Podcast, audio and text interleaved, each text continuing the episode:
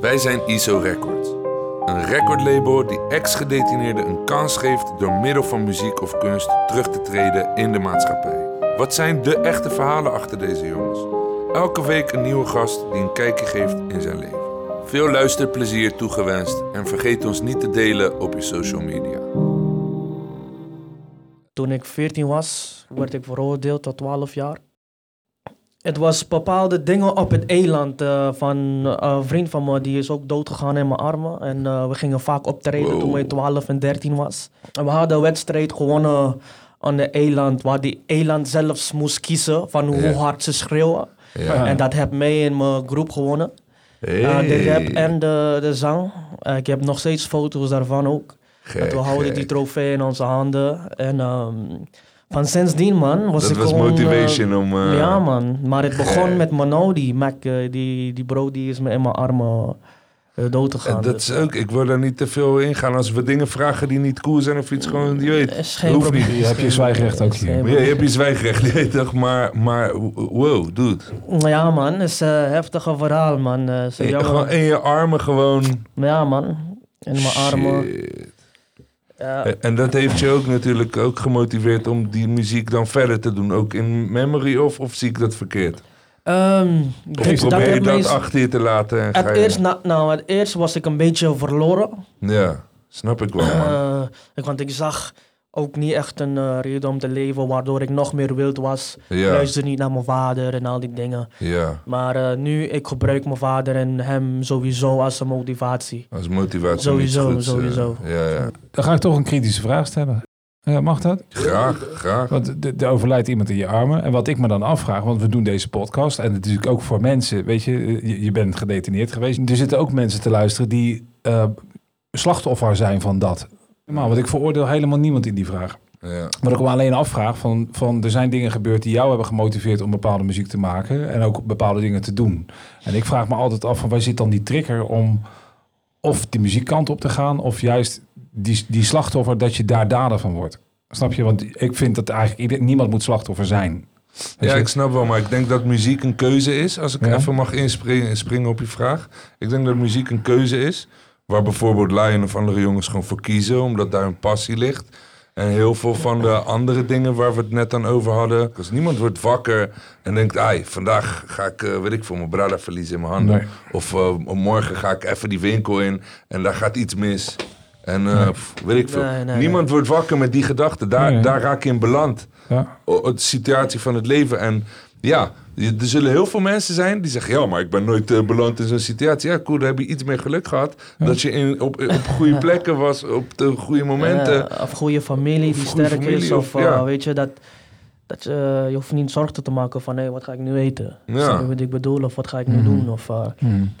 En ik denk dat die situaties ontstaan uit dat soort... uit zorgen, uit fuck, ik moet iets... Je weet, de Ja. volgende stap met mijn leven, met mijn En ik shit. zeg je eerlijk, de, de, Ja. de, de, de push die heeft me echt gepusht, is omdat ik realiseerde dat alles dat mijn vader probeerde me te zeggen toen ik was jong, om mee te helpen.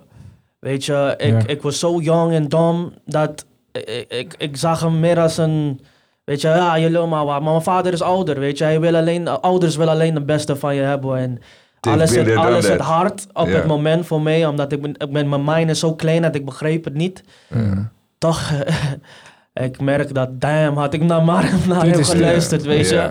Man. En, ehm, en dat pusht me met mijn muziek, alles man. Want ik, ik merk dat de hele, mijn hele leven was ik loyaal aan, aan, aan mensen die, die, die...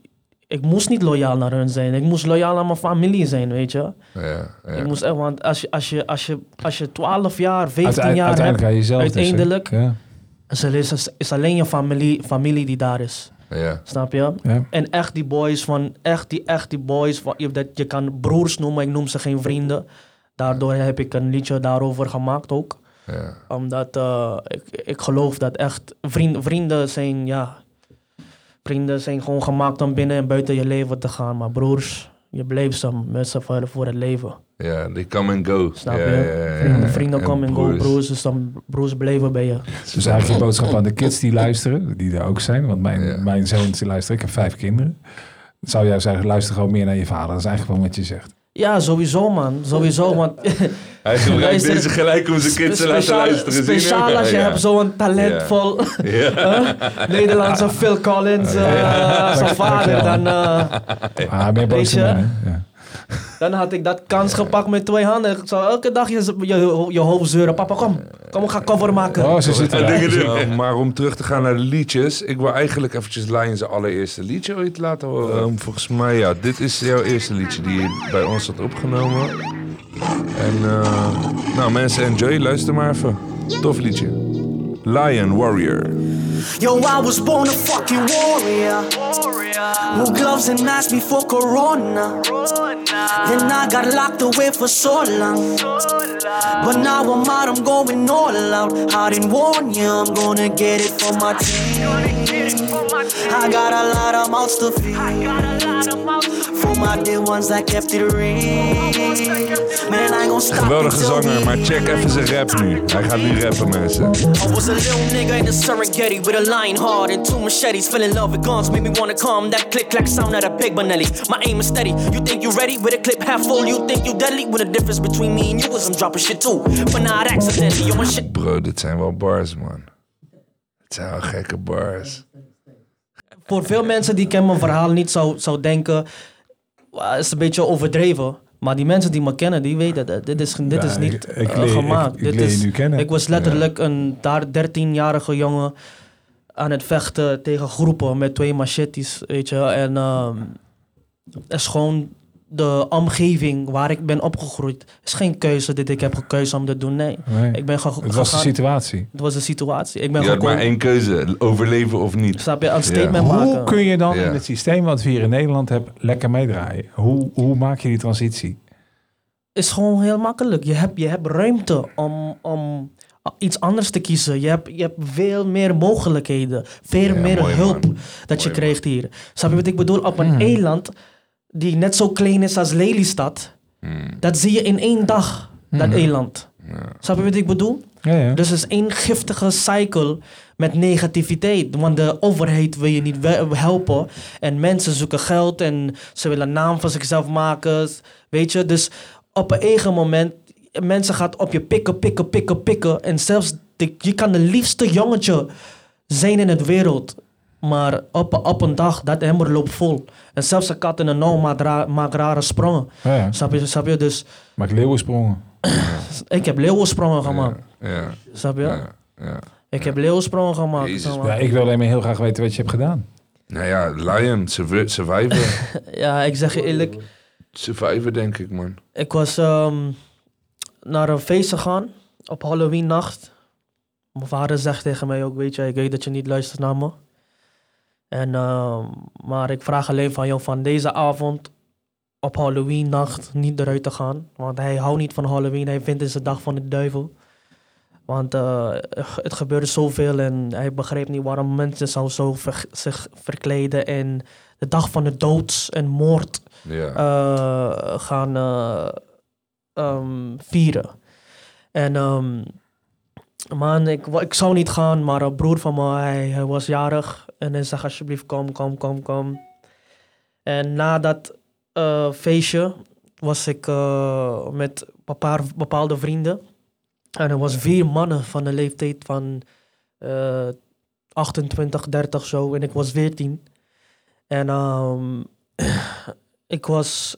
to- Een een van die vrienden van me vroeg die mannen voor geld. eh, en die man was van de Franse kant van de eiland. En hij, hij snapte niet. En waarschijnlijk was hij intoxicated ook. Want hij had een pamper aan. Hij wou als eh, Stewie Hey. die, die cartoon Ah, van eh, Family Guy. van Family Guy. Ja. En uh, ineens, ik, ik zag deze drie mannen om me heen. ze hebben me ge- omsingeld. En ehm, die gewoon hele sfeer was veranderd. En ik haalde mijn vlindermes eruit. En ja, waarom ben je op een vlindermes als je 14 bent? Bla bla bla. Ja, ik woon in de is. jungle, dat heb Ja. ik net gezegd. ja. Snap je? Het was En, gewoon eh, survival tool. Om het zo. ja, gewoon iets wat je altijd hebt. ja. Precies. En ehm, die mannen hebben me aangevallen. En ik heb mezelf verdedigd met dat mes. Ja. En wat ik niet wist is dat die man heeft die jongen eerst geslagen achter mij, waardoor hun ging vechten en waardoor die drie mannen hebben mee omsingeld. Snap je? Alles begon als een puzzel te vallen daarna. Dat ik wist, oké, hij vroeg die man voor geld, dat is hoe het is begonnen, dit en dat. En daarna, toen ik die drie mannen van me afgehad, had ik gerend in de steekje om die bro van mij te helpen. En ehm, ik was zo woest, want dat was de grotere broer van de jongen die is dood gegaan in mijn armen. Jij dacht niet nog een keer. Eh, ik kon er niet aan om zijn moeder weer. Nog een keer. Dan zou ik me echt cursed voelen. Van, Oeh, je hebt mijn, nog een zoon van mij is verloren en jouw B zijn. ja. Wat, wat, wat gebeurt er dan? Snap je? Dus dat, dat alles heeft me gewoon getriggerd en ik heb die man aangepakt en dat is die man die is doodgegaan. Snap je? Ja. Ja.